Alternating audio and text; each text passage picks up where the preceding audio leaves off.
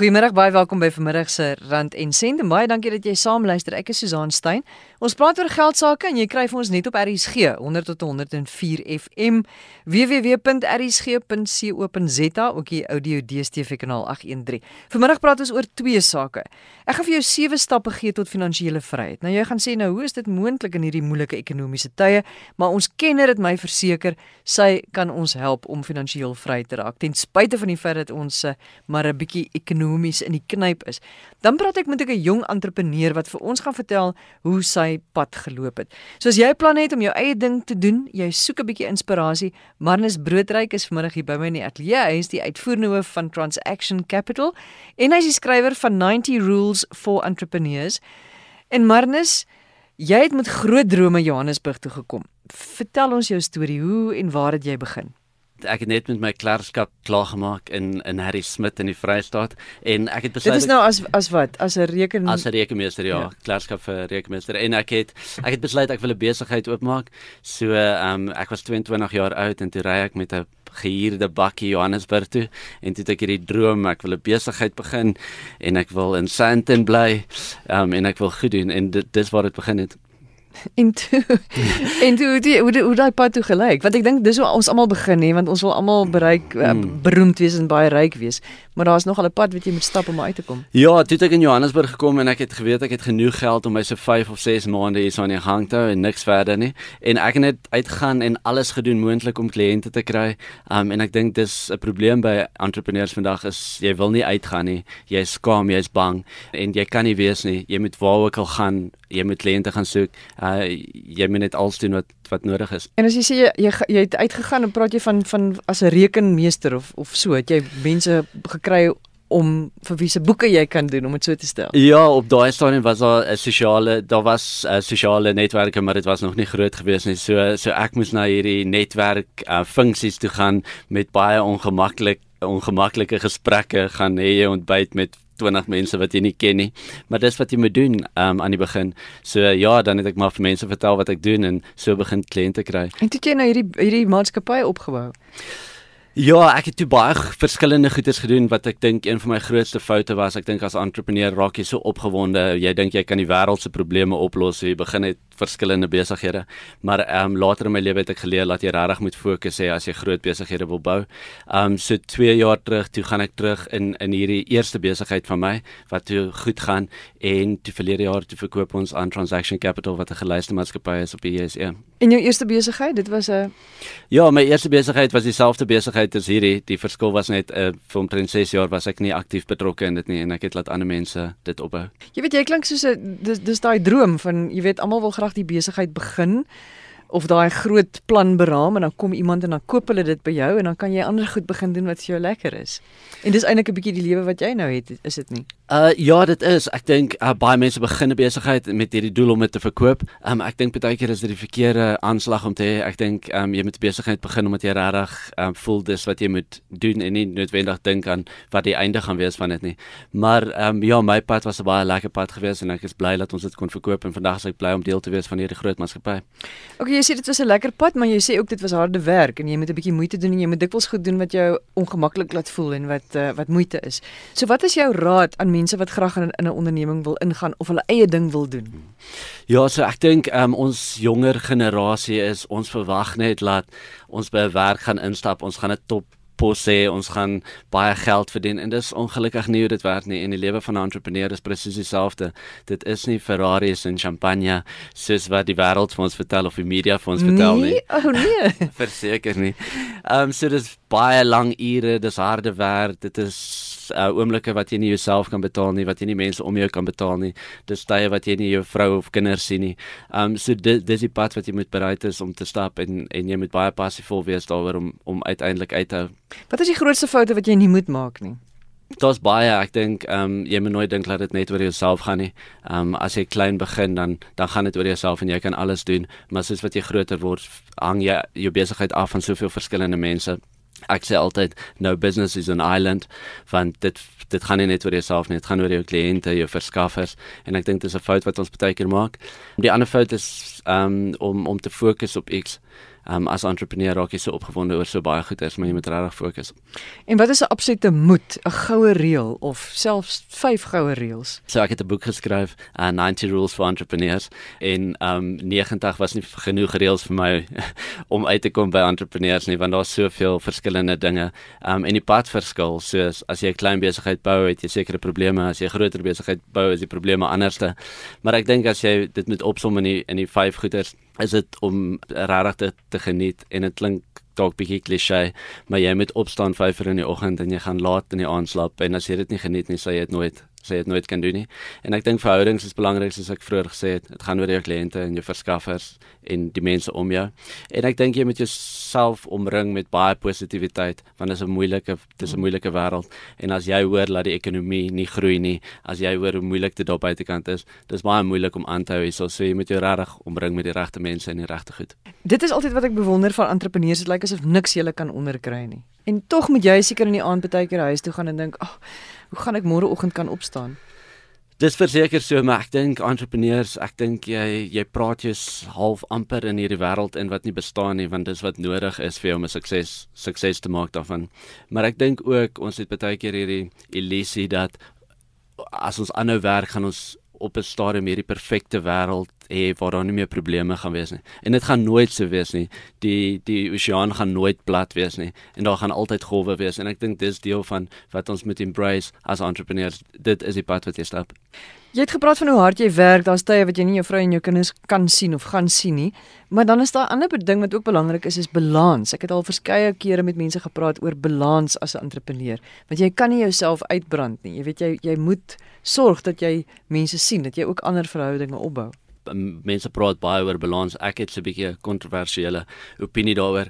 Is ek dink 'n baie entrepreneur sê soos Vrydag dan gaan ek nou ophou werk en dan gaan ek nou nie weer werk tot Maandag toe nie en dan Maandag dan werk ek en dis my kantoorure.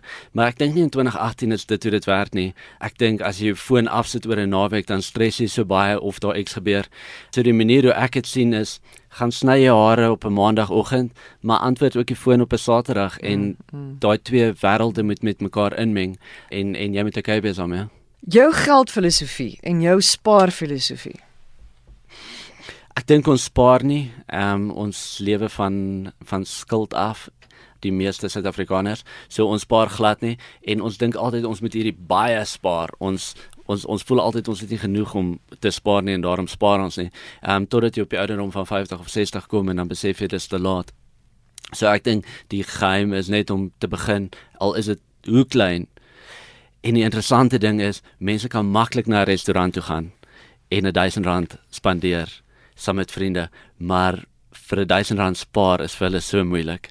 Um en ons moet dit ons moet dit omkeer en ek dink ons dink die hele tyd daar's genoeg tyd totdat jy agterkom maar is nie meer tyd nie. Maar as ek nou nou sê net maar iemand soos jy en en en wat dan nou 'n gewone pad is as jy begin jonk en jy het nou nog nie baie geld nie en jy begin jou eie besigheid en dan skielik op 'n dag is dit so suksesvol en jy verkoop hom en dan sit jy skielik met 'n bietjie meer geld. Is dit nie dan die versoeking daar om te sê, "Jo, nou, nou gaan ek die Ferrari koop en ja. nou gaan ek al daai goederes koop" en dat dit nou nie 'n slegte ding is nie, maar dat 'n mens net moet mooi dink voordat jy al daai goed begin koop. Ja, verseker dit is so. Daar's baie mense wat uh, al besighede vir baie geld verkoop het en 'n paar jaar later niks meer oorgehad het nie. Maar ek dink die algemene persoon daar buitekant is nie in daai posisie nie. Is nie in 'n posisie wat jy gaan kom oor 5 of 10 jaar wat jy 'n lomsom geld gaan kry nie. Uh meeste mense verwa is verwag 'n salaris elke maand en en moet spaar. Maar die mense wat wel lomsom kry, natuurlik moet jy dit mooi beheer. Die beste eienskap van 'n entrepreneur? Ek dink om nooit op te gee nie, op op te hou nie en om al hierdie uitdagings net te sien as as presies dit 'n uitdaging. Um jy kan nooit gaan lê nie en en dit is ook die pad wat jy moet sien. As jy moenie dink dat hierdie uitdaging jou gaan stop nie. En die swakste eienskap of die mees irriterendste eienskap? Ek dink dit word so groot deel van ons lewe dat ons dalk nie altyd besef wat dit aan ander mense doen nie. Families breek op daarvan, egskeidings gebeur as gevolg van dit, want dit, ons raak net so passievol oor oor dit wat ons doen.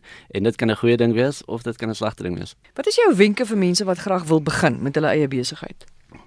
So wat universiteite daar buitekant ons leer en wat ek dink die algemene persoon wat 'n besigheid wil begin dink is ek kort miljoene in belegging. Iemand moet nou vir my kom en vir my baie geld gee sodat ek kan begin.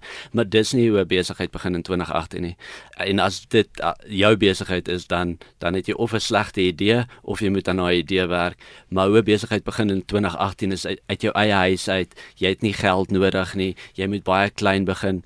Um, ek praat met so baie so baie entrepreneurs wat hulle het in hulle hele lewe nog nooit 'n besigheid gehad nie, maar dan wil hulle 10 miljoen rand hê. Hulle gaan hierdie baie mense bestuur en jy kan nie. Jy het dit nog nooit gedoen nie. Jy het nog nie een mens gebestuur nie. Nou wil jy 10000 gaan uh, bestuur. So jy moet regtig klein begin as jy 'n restaurant wil begin, dan begin jy kos te maak uit jou kombuis uit en jy verkoop dit van daar af. Uh jy gaan gaan nie en gaan hier 'n groot perseel koop duur toerusting en en stel mense aan nie. So jy begin regtig klein en ek dink as Suid-Afrikaners dit kan besef, dan gaan ons soveel meer klein suksesvolle besigheid besighede hê. Dit is Marnus Broodryk. Hy is die uitvoerende hoof van Transaction Capital. Hy is ook die skrywer van die boek 90 Rules for Entrepreneurs. En Marnus, baie dankie dat jy vanmiddag spesiaal 'n draai by ons in die ateljee kom maak het. Nou, praat ek met Liesel Boedrum. Sy is die hoof van advies in die persoonlike finansies afdeling van Old Mutual. Nou, Liesel, jy sê jy het vir ons 'n paar stappe hoe ons finansiëel vry kan wees of om ons nader te bring aan finansiële vryheid. Maar 'n mens wil nou dadelik half weet wat is hierdie stappe want in die eerste plek is dit enigstens moontlik om in hierdie moeilike ekonomie waarin ons ons bevind, mense sukkel om kop bo water te hou, kan ons nog sê ons is heeltemal finansiëel vry? Dis 'n baie goeie vraag en ek dink baie mense voel nee, dit is nie moontlik nie want jy jy leef net van dag tot dag of van maand tot maand en jy kom net nie uit met jou begroting. So ek dink baie mense gee moed op voor hulle regtig begin het en ek dink mense is ook geneig om te onderskat met fyn beplanning en langtermyndissipline hoe ver 'n mens kan kom en hoeveel finansiële vryheid jy kan skep oor die langtermyn. As jy kyk na saamgestelde rente, as jy net jou begroting goed bestuur en jy knyp 'n klein bietjie af elke maand, hoe dit oor die langtermyn 'n regtig groot bydrae kan maak tot jou finansiële vryheid. So, ek dink omdat mense dit onderskat, neem hulle nooit daai eerste stap nie en dan kom hulle nooit op die punt dat hulle enige finansiële vryheid skep nie. So ons wil regtig kyk om mense te bemagtig om soveel moontlik finansiële vryheid vir hulle self te bewerkstellig. Dit beveg 'n konstante fokus op jou finansiële beplanning en langtermyndissipline om wanneer jy jou plan in plek het om by daai plan te hou en nie wanneer weet jy voel jy jy verdien miskien 'n blaaskaas en dan te veel geld op 'n vakansie te spandeer of te veel geld op 'n paar skoene te spandeer nie. Maar Liesel, wat is julle definisie van finansiële vryheid? Want jy weet my definisie van finansiële vryheid is dat ek môreoggend kan oppak en iewers op 'n seiljag in die son kan gaan sit. Absoluut. Absoluut. So, jy maak so 'n goeie punt. Ek dink wat baie belangrik is om te verstaan is dat wanneer mens praat van finansiële vryheid, dan beteken dit iets verskillend vir elke individu. So en dit is hoekom dit so belangrik is dat jou definisie van finansiële vryheid en jou verwagtinge van hoeveel van daai doelwitte en van daai finansiële vryheid jy oor die langtermyn kan verwesenlik, die beplanning om lewe te gee daaraan moet ook heeltemal vir persoonlik wees tot jou as individu. So wat ek bedoel met finansiële vryheid en wat jy bedoel met finansiële vryheid kan twee heeltemal verskillende goed wees. Wat belangrik is, is dat ons die planne in plek stel om te begin werk na ons persoonlike finansiële vryheid doelwitte. Maar wat is die eerste stappe wat 'n mens dan nou kan doen in die rigting van finansiële vryheid? Wel, die eerste stap wat ongelukkig baie eenvoudig klink om te fokus op jou begroting. So ek dink ongelukkig sien mense ook baie keer ja, begroting ag dis maar ek weet min of meer wat my inkomste is en ek weet min of meer wat my uitgawes is en ek weet ek kom of net net uit of ek het genoeg geld oor aan die einde van die maand of ek moet elke maand so 'n bietjie sukkel en so 'n bietjie iewers ekstra geld kry want ek kom nie regtig uit nie. So die die begroting is ongelukkig klink baie eenvoudig, maar dit is so 'n belangrike fundamentele stap. En jy kyk baie keer as 'n as 'n persoon met 'n finansiële beplanner begin saamwerk en jy begin rekord hou van waar jy jou geld spandeer, dan het meeste mense skok om te sien hoeveel geld hulle spandeer op die luksede. Jy nou daai daai cappuccino, die koffie wat jy koop of die fliek of die uitjie by die restaurant.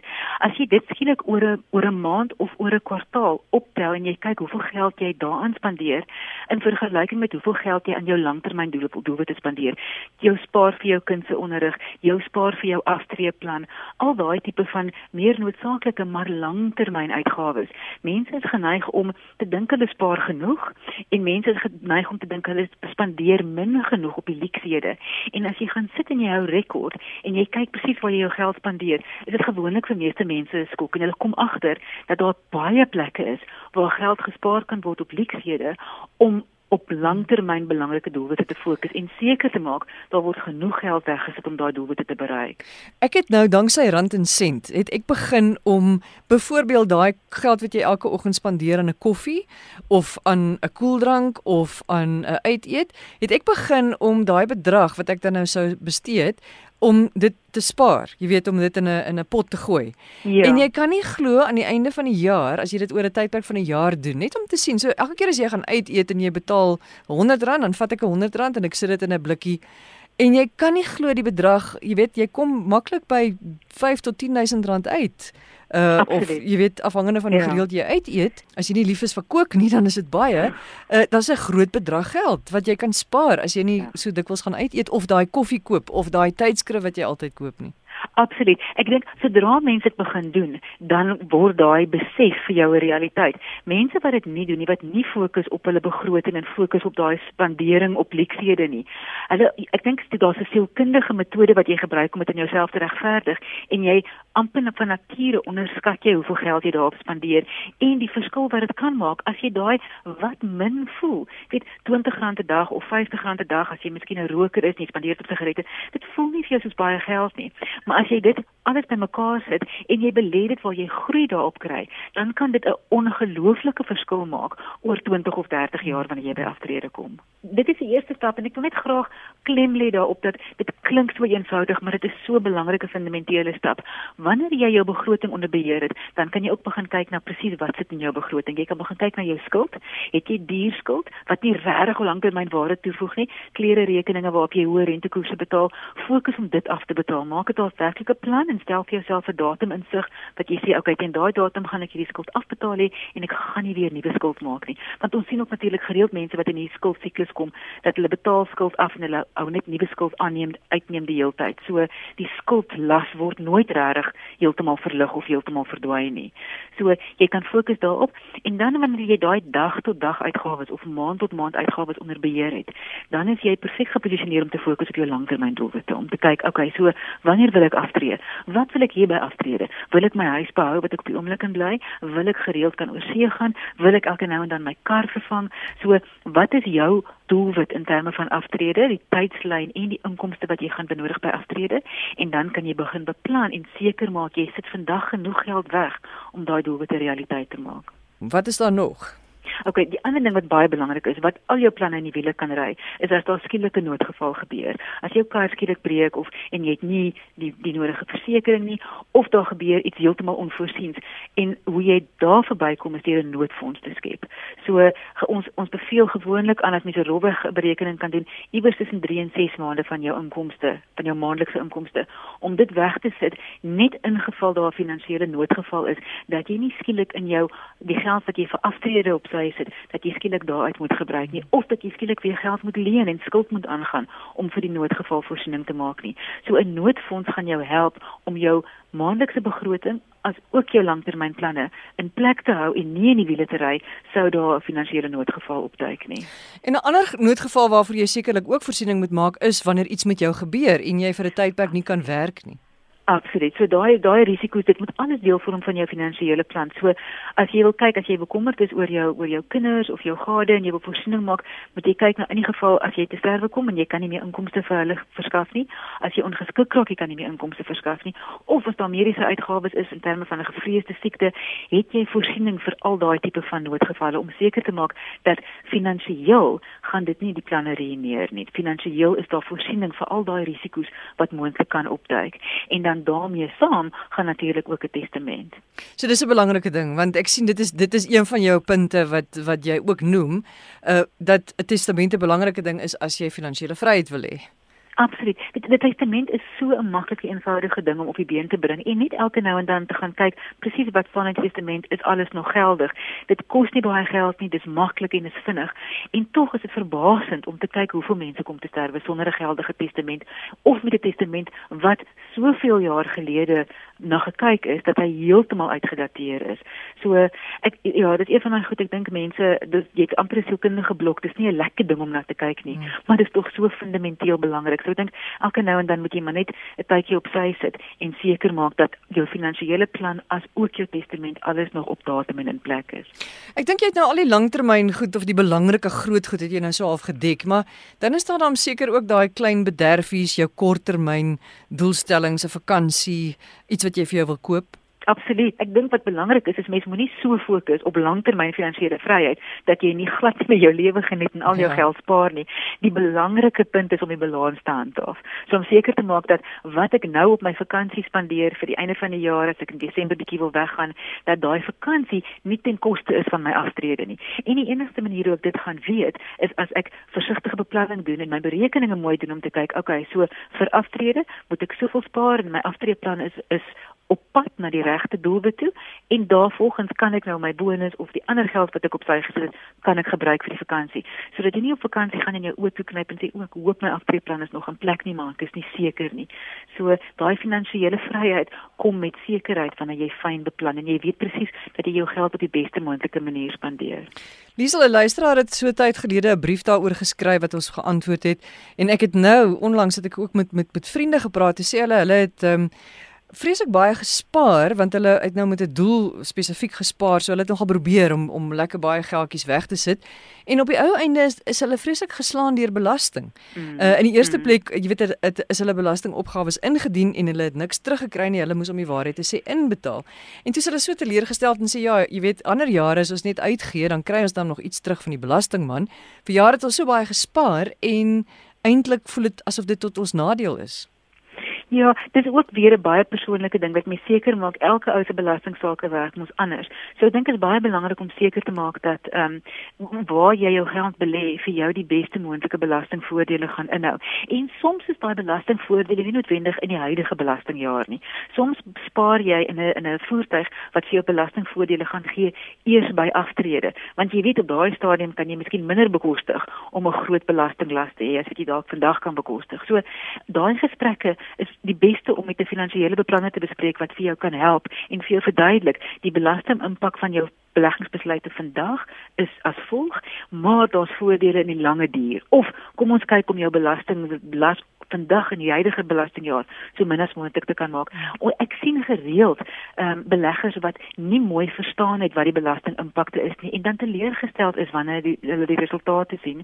Ek sien ook gereeld kliënte wat belê in fondse en dan hou hulle nie tred met presies wat in die markte gebeur nie. Hulle het 'n verwagting dat oor 10 jaar gaan daar baie soveel groei wees en dan as hulle nie tred hou met hoe dinge verander in die ekonomie en in die markte nie, dan kyk hulle eers weer aan die einde van die beleggingsperiode na daai belegging en dan is hulle baie teleurgestel. So dis hoekom ek wil regtig aanbeveel dis so belangrik om van jaar tot jaar oog te hou op jou besluite. Wat is jou voertuie waaraan jy belê? Is dit belasting effektief en voldoende aan jou verwagtinge as ook jou groei in die fondse wat jy gekies het om weet jou doelwitte te verwesenlik. Want daai goed kan verander. Mens kan van jaar tot jaar veranderinge wil maak en jy moet ingelig bly oor belastingkoerse wat verander en belastingstrukture wat verander en seker maak jou beleggings pas aan daarbey Malisa jy weet dit is gewoonlik as jy jou geld vir iemand gee by 'n instansie om vir jou te belê dan is dit gewoonlik die ding wat jy in daai persoon se hande laat. Hmm. en dit lyk my jy kan nie altyd nie. En ek dink dit is belangrik om die regte persoon te vind om te vertrou. Ek dink ehm, die finansiële industrie daar's daar's baie kliënte wat hulle vingers verbrand het en dit is regtig baie ongelukkig. Daar is baie finansiële beplanners wat uitstekend is, uitstekende werk doen vir hulle kliënte en regtig waarde toevoeg.